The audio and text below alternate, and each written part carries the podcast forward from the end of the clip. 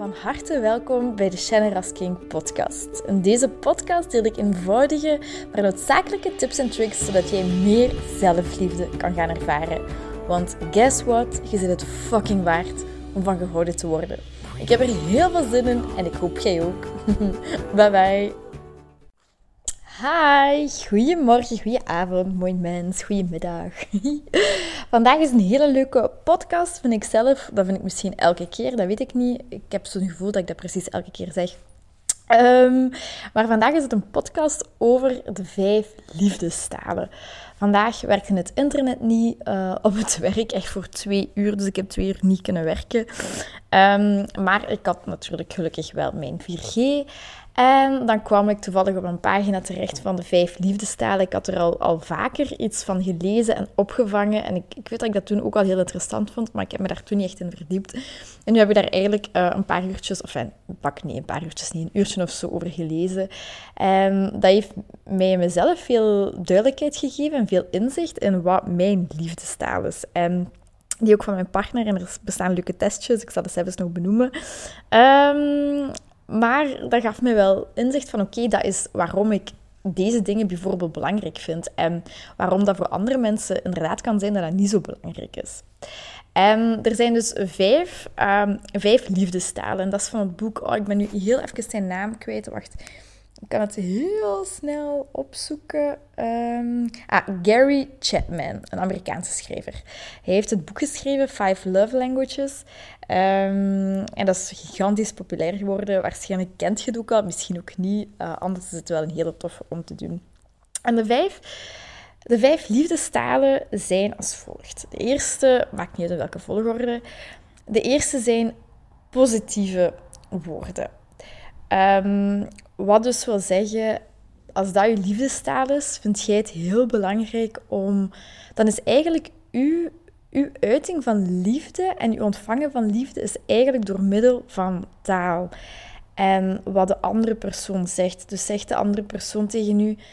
Um, ik vind u mooi. Oh, ik hou van u. Ik zie u graag. Oh, we hebben het toch goed samen. Oh, ik amuseer me bij u. Oh, je ziet er goed uit vandaag, et cetera. Dan is dat veel belangrijker voor u als dat je primaire liefdestaal is dan bijvoorbeeld een bos bloemen krijgen. Um, dus hier is het voor u echt heel belangrijk om, um, om te horen dat, dat het goed is. Het nadeel daarvan, of het, het, ja, het, negatieve daartegenover kan zijn, is dat negatieve woorden ook langer kunnen blijven hangen als dit uw liefdestaal is.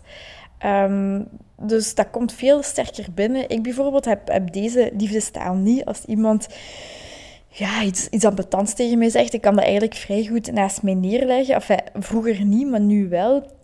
Hangt ook een beetje samen, vind ik, een stukje met...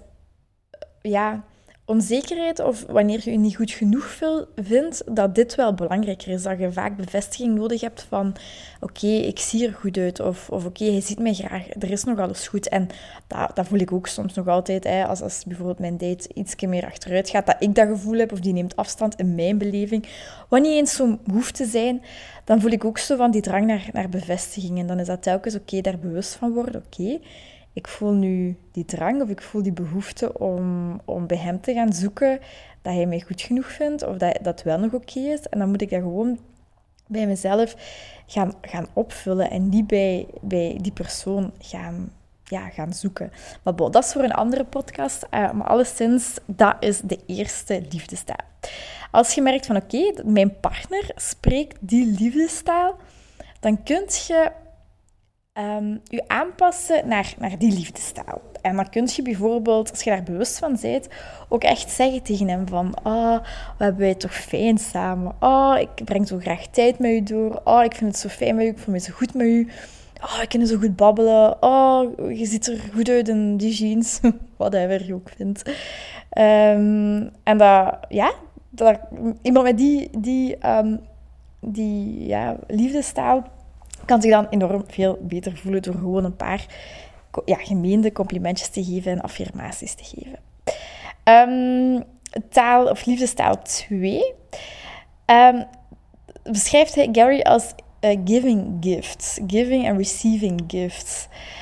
Dus um, als dat je liefdestaal is, vind je het heel belangrijk dat jij een, een soort van cadeautje krijgt of een briefje krijgt, een attentie krijgt. Iets waar is over nagedacht. En de waarde maakt op zich zelfs niet uit. Het maakt niet uit of dat zelfs niks gekost heeft of of dat veel gekost heeft. Het is belangrijk dat jij dan voelt van oké, mijn partner denkt aan mij als, als wij apart zijn. Of mijn partner denkt sowieso aan u. Hij heeft iets voorbereid, hij heeft er tijd in gestoken.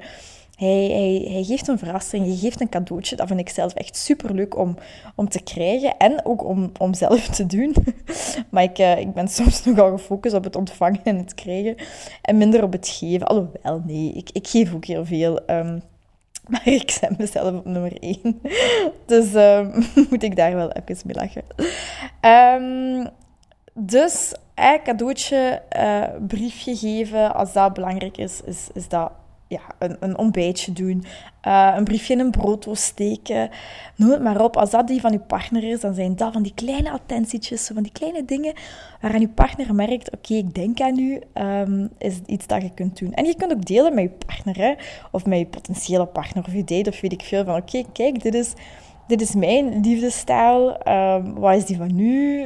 Zo kun je elkaar ook, ja, dat is een toffe manier om elkaar beter of nog beter te leren kennen. Um, Liefdestaal nummer drie is quality time. Dat is voor mij de aller, aller, allergrootste. En quality time, ja, de, de, de naam zegt het gewoon zelf, echt samen zijn. En zonder een, telefoon en zonder um, afleiding van Netflix of, of ja, mensen die sturen. Oh, ik, ik, vind dat, ik vind dat echt verschrikkelijk als je bijvoorbeeld in, een conversatie zit. Maar ook met vriendinnen hè? of familie. Als je in een conversatie zit of met collega's en je zit iets aan het vertellen en er komt een melding in op WhatsApp en die persoon kijkt daar dan de hele tijd naar. Ik snap dat je afgeleid wordt. En bijvoorbeeld mijn gsm ligt heel vaak omgekeerd op tafel of die ligt weg. Of als ik met een persoon ben, dan, dan ben ik ook met die persoon. En dat heeft mij een inzicht gegeven van oké, ik vind dat belangrijk, dat is mijn liefdestaal, maar dat is dus niet per se iets wat iemand anders ook belangrijk vindt. Dus voor mij is het belangrijk als ik met mijn, als ik met mijn date zit om om die tijd samen met hem te hebben. En ik wil dan ook niet zeuren van, ah, oh, die zet die gsm uit. Of, uh. Dat wil ik dan ook niet doen, maar dat is wel iets kei, kei belangrijk voor mij. Of bijvoorbeeld ook, we gingen met vriendinnen vorig jaar naar Kreta, hè, toen, toen het even mocht. En we hadden zo wat namen getrokken voor de kamer. En ik, ik moest, of ik had samen met één vriendin dan getrokken. En ik had echt zoiets van, nee, ik heb ook eerlijk gezegd van, ik ga niet met haar op de kamer, want ik weet gewoon, s'avonds, zij is heel graag op haar gemak en zij scrolt heel op haar gsm en zij, zij s'avonds heeft ze gewoon geen nood om te praten.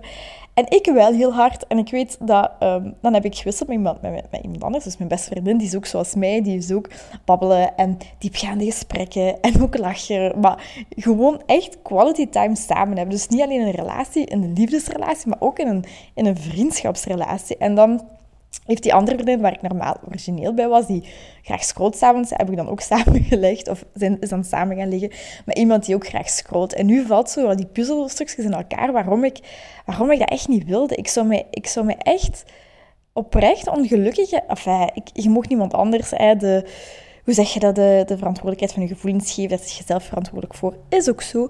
Maar ik zou me gewoon veel gelukkiger gevoeld hebben, dat weet ik, moest ik dan zoals ik ook gedaan heb, heb ik gewisseld. En dat ik s'avonds ook nog kan genieten van leuke gesprekken en grapjes en de dag overlopen en van die gekke vragen stellen. En oh, mijn vriendinnen lachen daar dan altijd mee. Ik kan zo van die vragen stellen, omdat ik dat gewoon graag doe. Ja, moest jij een, um, een fruit zijn? Welke fruit zou je dan zijn? Of uh, misschien dessert zijn. Welk dessert zou je dan kiezen en waarom? En mijn vriendinnen lachen daar dan mee, want s'avonds willen ze daar heel vaak gewoon niet op antwoorden. Maar mijn beste vriendin dus wel. dus daarmee. Dus als uw partner dat ook belangrijk vindt, um, zet uw fucking gsm dan uit.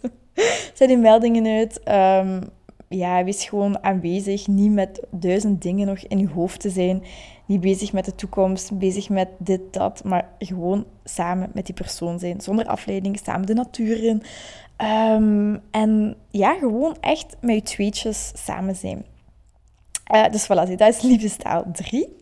Liefdestaal 4 is um, lichamelijke intimiteit uh, of aanrakingen. Dat hoeft niet per se intiem te zijn als in het seksuele, maar bijvoorbeeld knuffels geven, hand in hand lopen, elkaar voelen. Het fysieke contact is echt hoe jij je liefde uit. Dus um, samen, als je samen naar tv kijkt, sommige mensen hebben graag die afstand. Uh, als jij, als uw liefdestaal, die lichamelijke aanrakingen zijn, dan is het belangrijk om elkaar te voelen. En dat heb ik ook heel hard. Ik, ik wil altijd zo iemand voelen. Of als je zo in bed zit, zo, al is dat maar zo met een vinger, zo iemand voelen. dat, dat, vind ik persoonlijk heel tof. Um, dus als dat je liefdestaal is, vind je, haalt je daar echt je, ja, je, je liefde uit. Um, en zo uit je ook je liefde. Als je partner zo is, als die lichamelijk intimiteit heeft, um, is iets dat je kunt doen, is bijvoorbeeld spontaan een massage geven. Spontaan een knuffel geven, tegen elkaar gaan staan, um, door, door, door zijn haar wrijven, ik zeg maar iets, uh, tegen elkaar aan gaan liggen. Dus die affectie echt gaan tonen als je partner uh, die deze liefdestaal heeft. En dan de vijfde uh, is ja, hulpvaardigheid, dienstbaarheid. Um, want die maakt dan zo'n mopje in zijn boek. Ik heb, ik een fragment gelezen van... Het lijkt misschien niet zo romantisch uh, om samen te stofzuigen, maar voor sommige mensen kan dat echt wonderen doen, blijkbaar.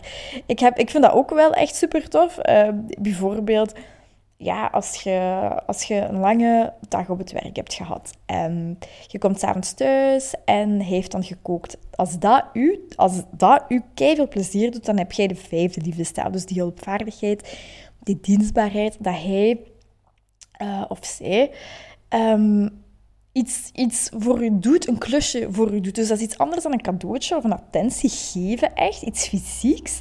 Maar deze hulpvaardigheid is echt qua dienstigheid. Dus bijvoorbeeld een vuilzakken buiten zetten zonder dat je het moet vragen. Um, de afwas doen zonder dat je het moet vragen. Koken zonder dat je het moet vragen.